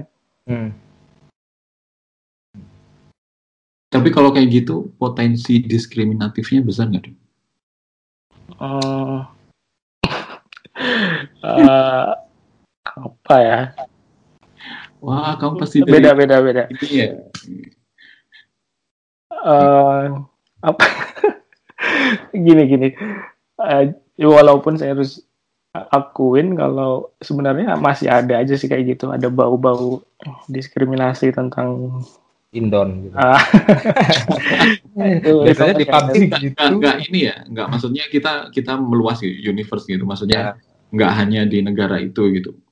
Kan siapa tahu kayak misalnya Asia dengan apa namanya Western kan itu kan juga diskriminatifnya ada gitu. Hmm, tapi saya nggak begitu paham kalau dengan orang luar. Tapi yang jelas uh, tentunya mereka udah tahu living cost kita rendah, jadi mereka kalau mau target project ke Asia Tenggara gitu pasti ya nyari yang murah-murah gitu. Maksudnya bayarannya ekspektasinya segitu lah ya. Walaupun nggak bisa dibilang itu diskriminatif. Uh, tapi di luar itu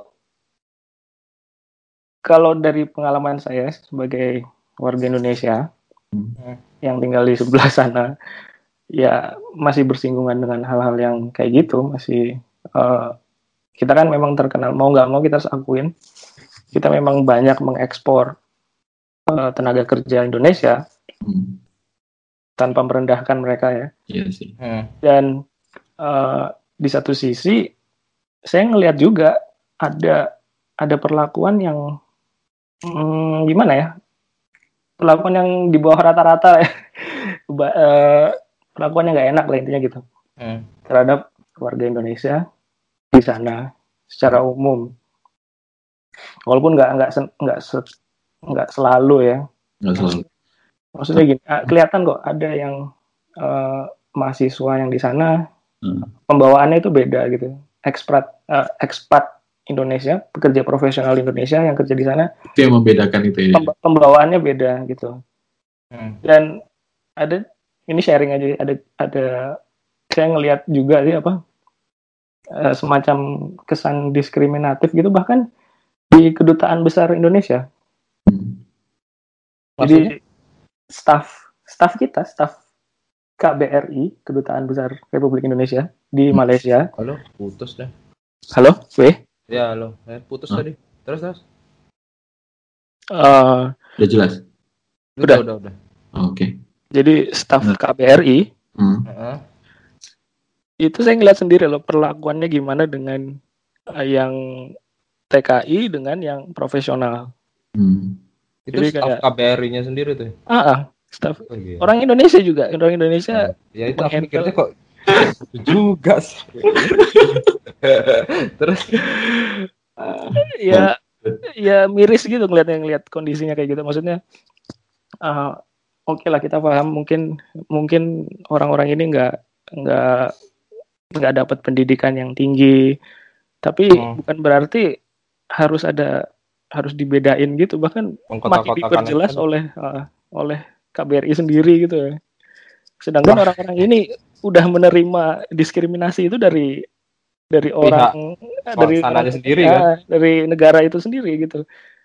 Kok kayak Wah. semakin semakin ditekan ah. Garis batasnya semakin kelihatan gitu iya. Yes. ya, sedih sedih juga sih sebenarnya kalau ngeliat kayak gitu. Eh tapi em, kayak oh ceritain dong G, eh, apa namanya kayak pajak terus itu gimana kalau kita ting apa kerja di luar gitu pajak Oh, ah, sistemnya untuk foreigner tuh gimana? Hmm, jadi kalau kita terdaftar sebagai eh, pekerja profesional Hmm, yang punya working pass, hmm, itu memang setiap tahunnya ada namanya eh, pajak penghasilan. Yang kurang lebih sama lah dengan Indonesia pajak penghasilan yang eh, kurang lebih.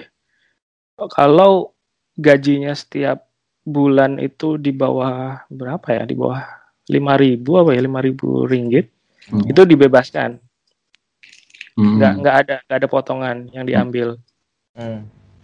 Eh, kemungkinan kalau di atas itu saya nggak tahu karena eh, belum punya pengalaman Hmm.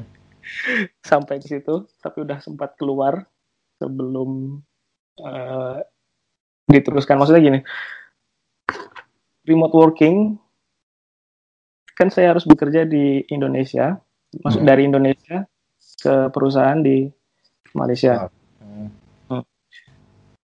sementara kalau saya terdaftar sebagai staff eh, dan saya berada di luar Malaysia lebih dari 180 hari itu potongannya 25% apa ya diambil dari total penghasilan setahun. Dan itu tinggi banget. Jadi eh, memang remote workingnya masih belum masih belum bisa di masih belum bisa diadopsi, belum bisa diadopsi untuk negara Malaysia ya maksudnya pajaknya tinggi sekali kalau jadi kalau kita berada di luar negara lebih dari 180 hari itu dianggap eh, orang apa pekerja asing yang bekerja di Malaysia tapi tidak tinggal di Malaysia dan pajaknya setiap tahunnya tinggi sekali. Salah satu caranya ya yaitu tadi saya kemudian eh, di atas kertas saya udah bukan staff. Hmm. Jadi saya dianggap outsource dan untuk menyias- menyiasatinya uh, menyiasati hal tersebut ya saya harus keluar dari eh, dari nama list daftar pegawai gitu ya. Hmm.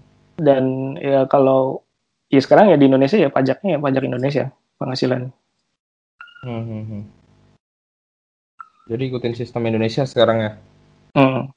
Ya Nah. kayak wirausaha gitu lah ibaratnya ya. Tapi pengalamanku do yang eh, di perusahaan yang kedua itu walaupun aku gaji di bawah 5000 itu masih tetap kena ini loh tax loh. Hmm. Satu persen oh berapa ya? Pokoknya masih kena lah aku lupa berapa persen. Dan itu eh, perusahaan yang ini Yang ngurusin. yang yang, yang ngambil tiap eh, Oh jadi memang dipotong. Hmm, memang dipotong. Hmm. Dan untuk yang remote working ini, kamu ngambil yang anu berarti wirausaha gitu. Hmm. Kok nggak ngambil yang freelance? Freelance nggak ada potongan masalahnya.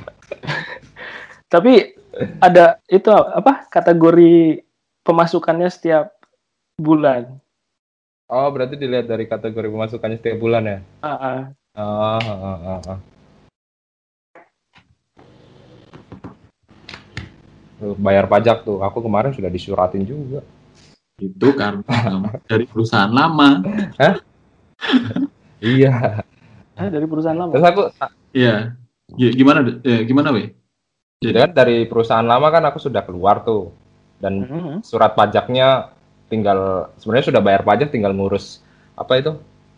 eh apa sih namanya? Ngom, tinggal ngomong aja tuh, kasih info ke pajak kalau sudah ngurus gitu. Cuma ngisi data doang, belum tak isi. Sampai berapa sudah hampir satu tahun. Akhirnya disuratin. Suruh ngisi. Nah terus aku tanya temenku kan, eh, terus Hmm. ini kan yang dulu kan masih status karyawan kan. Nah kalau sudah sekarang nih gimana nih? Ganti yang freelance aja mas. Yang freelance udah nggak ada nggak ada potongan gitu. Terus gantinya gimana? Kayaknya anu sih udah ng- apa otomatis sih. Masalahnya kan dulu yang ngurus pajak lah anu apa kantor juga kan. Hmm. Udah. Hmm. Pajaknya itu dari kamu ya? Apa? Oh ya kamu kamu yang harus bayar pajaknya kan? Iya, Kantornya kan ya? Eh, jadi dipotong sama kantor dipotong. Jadi yang bayarin kantor, tapi tetap uang kita lah. Ya namanya pajak, Am, dibebankan ke Hmm, Iya sih. wajib pajak gimana sih? Siapa tahu perusahaannya mau menanggung ya. Itu namanya bukan pajak. ya. Oh, ini ya, aku aku mau tanya nih.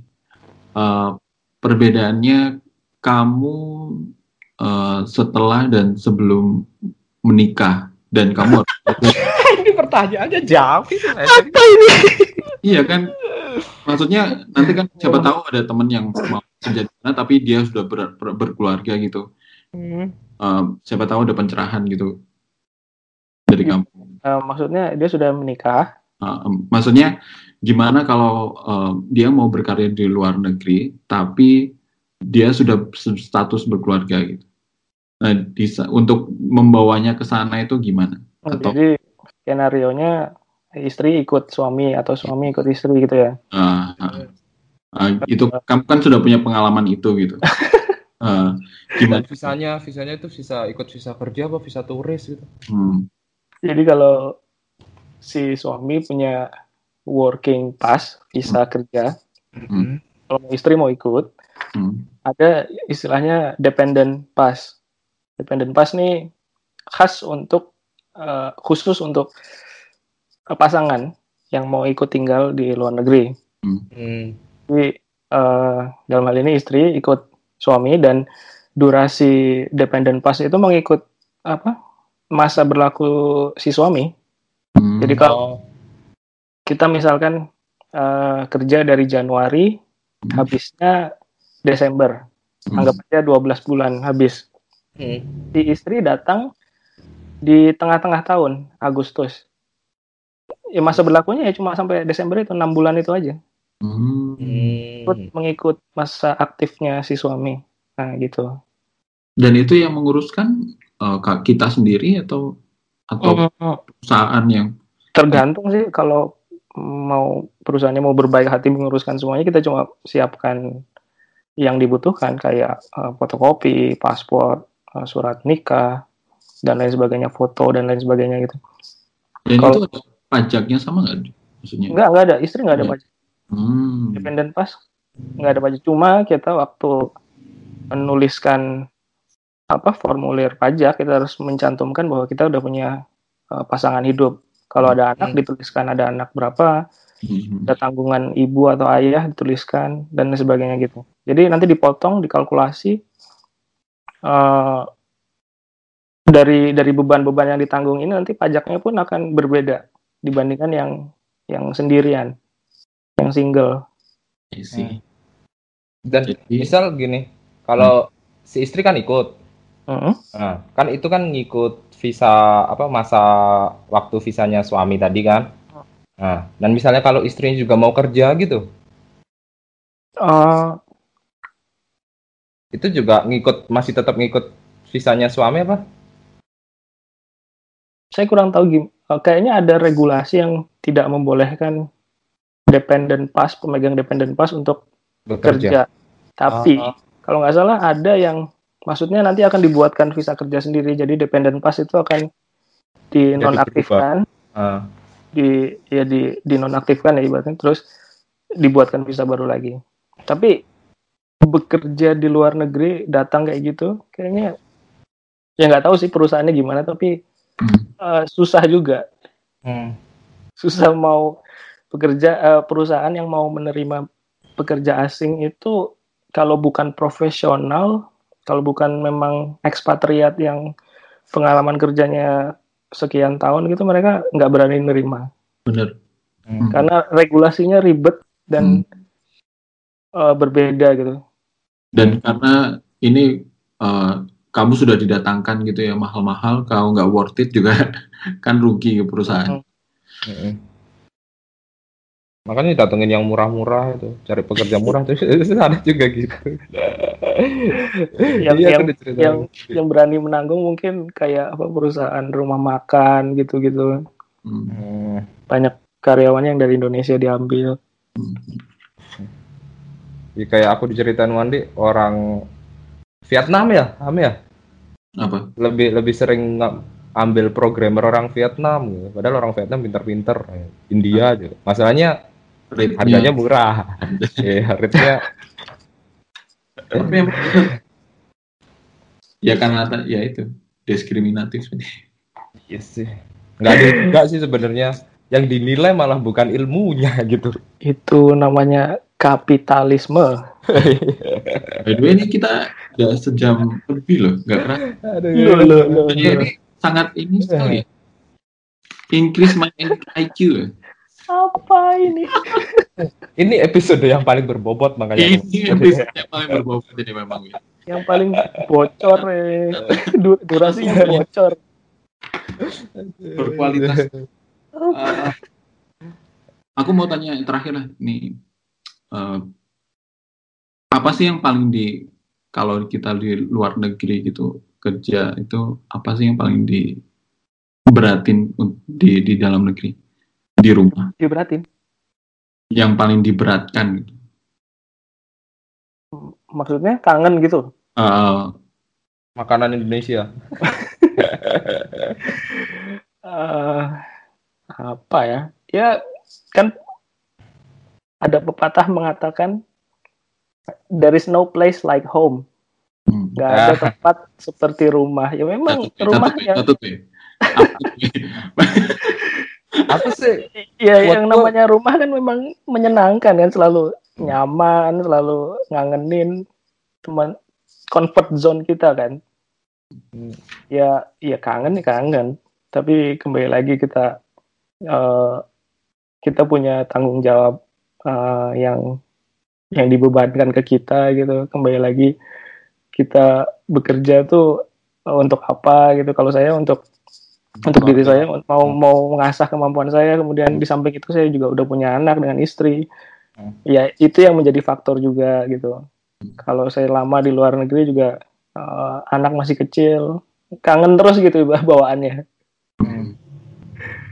ya kurang lebih seperti itu. Yang yang dikangenin masih kayak gitu gitu masih masih tentang seputaran rumah ya. Aku kalau kuat rumah tadi malah gini, home is when your wifi connected automatically.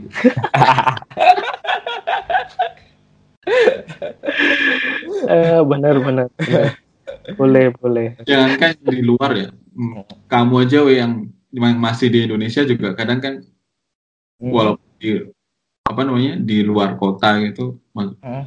masih sering kangen kan untuk pulang ke kota sendiri. Ke Malang Hmm, ya, iya sih. Secara dulu tiga, eh, tiga tahun ya di luar kota. Tapi setelah itu aku balik ke Malang itu kadang, ya mungkin gara-gara habitku, bad habitku semua keluar semua kan, gara-gara remote working ini. Terus aku kangen, aku bangun pagi, disiplin kerja kayak gimana, ada jadwal apa, timing-timing waktu makan itu jam berapa, terus aku harus bangun jam berapa itu kangen juga aku biasanya. Tapi kamu belum pernah ngerasain hari raya di negeri orang. Ini Luntang Rasa lantung ya, ya. kayak kata luntang Tapi banget emang. Luntang lantung. Iya tapi eh, jadi ngomong hari raya tadi kayak misalnya tradisi mudik itu juga ada ya dari Kuala Lumpur ke ada ada juga ya. Berarti ya Ah, Sepi ya juga nggak berarti ya. jauh beda sama Jakarta waktu hari raya kan sepi kan Sepi, ya. Kuala Lumpur ya sepi jadi. orang pada balik kampung Oke. aku mau nanya ini nih. Ah, apa? Nah setelah kamu kan kerja udah ada kerja dan tahu kehidupan di luar sana itu untuk masalah tahu juga masalah pendidikan di luar sana, kamu sekarang mikir nggak untuk eh, pendidikan anak kamu lebih milih sana apa sini? pendidikan anak Kualitas mungkin dipertimbangkan dari kualitas atau gimana? Hmm, Kemudian hari Lingkungan terus hidupnya di sana. akan menyekolahkan, mengirimkan enggak enggak sebenarnya aja sini nggak ini. oh ini kesannya kayak apa Indonesia kayak jomplang gitu ya dengan negara sebelah gitu sebenarnya Enggak. enggak, sih sebenarnya Indonesia Hmm. juga bagus potensinya maksudnya eh, nggak ada masalah mau sekolah di sini atau di sana gitu ya Mm-mm. maksudnya eh dan saya pun nggak tendensius sekali untuk an- mengarahkan anak karena saya belum ngelihat dia potensinya apa, bakatnya ke mana, kan belum kelihatan si anak. Saya nanti akan ngikutin dia mau mau gimana gitu. Maksudnya saya bisa ngelihat oh, nih anak ini tertarik dengan ini, maka saya mau menyupport dia. Dulu waktu saya masih seusia masih muda ya maksudnya masih sebelum kuliah malah saya Hmm. eh, kayak nggak disupport masuk ke Bisa. DKV, ya, masuk ke fakultas saya waktu itu. Jadi eh, kayak mau rencana balas dendam gitu. Maksudnya gini apa? Kan ya namanya orang tua ya maksudnya. Iya sih. Mereka berpikirnya pragmatis yang maunya yang pasti-pasti aja yang eh jadi dulu kalau nggak dokter atau apa pegawai negeri. hukum ya pegawai negeri gitu-gitu lah ya kan Oh. mas saya masih ada di era itu dan saya masih melewati itu semua jadi saya ngerti banget gimana rasanya kalau eh, ngelakuin sesuatu yang kamu suka tapi nggak didukung oleh kedua orang tua Mhm. Eh, nah saya mau jadi ayah yang yang yang bisa ngertiin anak maksudnya kalau anak ini eh, minatnya ke arah tertentu dan saya ngelihat minatnya dia ini maksudnya positif ya saya support Hmm. dan yang nggak tahu sih nanti gimana mungkin eh, kalau mau mengejar itu harus ke luar negeri ya nggak masalah Ini Hmm. bisa jadi materi untuk berikutnya. Tapi aku tanya gitu, emang gini loh, masalahnya kan mindset orang Indonesia itu kebanyakan kamu kuliah di luar aja lah nak. Kalau misalnya orang kaya gitu, kamu kuliah di luar aja lah gitu. Biasanya kan gitu. Tapi sebenarnya ya aku mikirnya kamu mau kuliah di mana aja, tapi ya balik dari individu masing-masing sih. Hmm. Kamu mau kuliah di luar juga, tapi kalau kamu kuliah ngopa-ngopi ya gak ya percuma juga kan.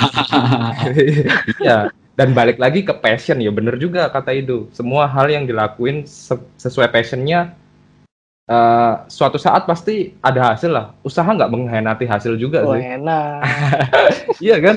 Kayak Bener. podcast podcast sebelumnya kan kita ngur apa ngomongin passion tadi. Kita sulung tuh, ya kan? nice Tapi bener sih eh, passion lah. Jadi Hmm. misalnya kalau passion jadi buat para orang tua nih ya. kalau anaknya dilihat passionnya ke situ, mending masukin ke situ lah. Biar Oh iya satu, satu juga sih sebenarnya eh apa pendidikan harus imbang juga dengan Harus soft skill dia soft skill Hmm. gimana dia eh, jadi apa eh, berbicara di depan umum atau kemampuan dia dalam menghadapi situasi yang nggak terduga gitu-gitu soft skill juga perlu dan selain itu keterampilan expertise dia di bidang itu misalkan Hmm. kalau desain eh, banyak perusahaan yang nggak nggak ngelihat kamu lulusan mana Hmm. ijazahmu dari mana tapi asalkan kamu punya pengalaman kamu punya kapasitas Soft skill keahlian yang baik. ah, keahlian yang yang diperlukan maka kamu diserap. Dan Hmm. eh, itu sebabnya apa? Beberapa tahun ke belakang banyak online course. Jadi kayak kuliah secara online gitu. Dan eh, lulusan-lulusannya itu banyak yang diserap oleh perusahaan yang eh, mencari mereka gitu. Jadi metode belajar yang konvensional duduk di sekolah atau bangku kuliah itu kayak mulai Ditinggalkan. iya mulai mulai tergerus lah ya. Hmm. itu tadi ya disrupt disruptif eh, lingkungan yang disruptif gitu Karena kadang itu nggak mencari yang uh, skillnya mumpuni juga sih. Hmm. Uh, mencari kultur yang sama itu lebih dipertimbangkan sebenarnya. Hmm. Kalau skill mah bisa dipelajari ya, Hmm. Hmm. ketika kamu masuk di perusahaan itu. Tapi kalau kultur itu yang susah. gimana kamu bersikap gimana kamu dengan teman-teman eh, kolega gitu atau Ya, berarti- gimana cara kamu berbicara membawa diri gitu soft skill seperti itu Soft skill ya. itu juga diperlukan buat mengembangkan diri Iya sih. Aku pernah baca artikel juga sih. Ya emang perusahaan lebih banyak sih mentingin soft skill. Jadi kalau pas in- berinteraksi sama tim lebih baik, eh, berinteraksi sama semua karyawan-karyawan yang lebih baik, bisa dapat klien interaksi sama klien juga lebih baik, itu lebih dipertimbangkan jadi nilai lebih sih emang. Mm, bener. Terus nanya apa lagi nih? Bingung ya? Ini durasi panjang. Bocor. Bocor. Ya. Eh Hima ke mana Hima? Luar deh. Ke Indomaret. Eh emang Hima jadi moderator juga gitu. Enggak, enggak. Kad- kadang eh, anu sih apa namanya ikut lah kadang tapi belum belum sempat masukin Oh, enak. ya udah kesimpulan aja ya gimana kalau kesimpulan Ya, final word. kesimpulan. Final word. Ah, final word. oh ini aja saran kamu lah kalau untuk Oh. teman yang mau kerja di luar untuk menca- untuk mencari karir di luar itu gimana mungkin kamu punya masukan yang Waduh, kalau mencari karir, hmm, eh, mungkin nggak banyak kali ya. Mungkin ini sama-sama yang kayak tadi udah saya sampaikan. eh, gimana kamu bisa meningkatkan kemampuan, tambahkan portofolio kalau kamu desainer, hmm, terus eh, tingkatkan keahlian kamu selain desain, mendesain ya, dalam artian pakai tools, hmm, eh, itu semua kan hard skill ya. Hmm. kita keluar masih di sekitaran desain, gimana cara kamu mempertanggungjawabkan desainmu, gimana cara kamu meyakinkan orang bahwa uh, solusi yang kamu tawarkan ini sudah benar, soft skill yang seperti itu ditingkatkan, kemudian uh, perbanyak koneksi dan lain sebagainya. hmm. Itu aja kalau mau mencari. Kalau uh, tips kalau untuk orang yang sudah bekerja di luar, ya coba beradaptasi dengan lingkungan, lingkungan yang baru. Uh, jangan lupa cari teman baru, um, kemudian belajar hal baru, keluar dari zona nyaman. Jangan lupa hormati adat setempat Hmm. Dan jangan lupa jalan-jalan biar nggak stres. penting ya Ya udah udah nyampe di luar kan? ya, ya. Sayang kalau cuma buat kerja doang. Jalan-jalan juga dong. Masa hidup juga buat kerja doang? Kapan nikmatnya kamu nikmatin hidup? Iya. Halo? yang Ada-. Ada apa? final word mungkin Hmm, iya. Dari moderator. Oh, Apa ya nggak ada lah. um, Apa ya? gini aja deh. Sebenarnya um, bukan di mana kita bekerja ya. Hmm. Itu itu apa namanya? Tapi yang penting itu apa yang kita dapat dari pekerjaan itu. Gitu. Kalau mau kamu kerja di dalam negeri kayak kamu mau di luar negeri kayak. Tapi yang penting itu uh, apa yang kamu dapatkan dari itu gitu. Karena itu yang kamu bawa nanti ketika kamu memutuskan untuk ke next step gitu. Hmm. Hmm. Kalau aku ini sih ada sih untuk para para mungkin orang-orang baru pencari kerja fresh graduate gitu ya. Kamu cari kerja itu jangan lihat nominalnya dulu lah. Mending kamu cari kerja, kamu mikir apa yang kamu dapetin skillku bisa nambah nggak kalau aku kerja di sini gitu. Ha- ada hal-hal baru nggak yang bisa aku dapetin dari sini? Mending itu. Untuk nominal pasti nanti bisa mengikuti lah. Kalau skillmu nambah kan bisa naik juga kan nominal. Benar. Yang penting apa yang kamu yang kamu cari apa ya? Apa yang bisa nambah wawasan kamu sama skillmu lah itu aja sih. Iya. Ada mau tambahin? Apalagi udah itu aja. Nggak enak penutupannya ya. Ya udah. Berbisa sekali kalian ini. Eh, kita tutup em, podcast kali ini. Mm-mm. Terima kasih buat narasumber yang sangat berkualitas sekali. Apaan? Dan mengangkat podcast kita nih. Mengangkat YouTube podcast viewernya satu hari Ini bisa. kita jadi dua part ini, weh. Ya? Kita nggak usah capek-capek nih. Dua Ini- part. Ini dijadiin satu part juga. Ini nggak bosen orang ngedengerin. Yakin mah. Oke lah, kita tutup ya. Ini ngelihat apa grupnya? Dia saya scroll scroll banyak sekali link di percakapan. Oh iya itu link untuk menambah wawasan kita itu. ada gambar pisangnya Yaudah, apa? eh, kita tutup dulu aja ya. Kita tutup dulu oke. aja. Oke, kita tutup dulu. Eh, selamat malam. Saya PW dan terima kasih buat narasumber kita, Mas Edo Septian atau bisa dipanggil Headfuel sama Mas. Sama Saya. Assalamualaikum warahmatullahi wabarakatuh.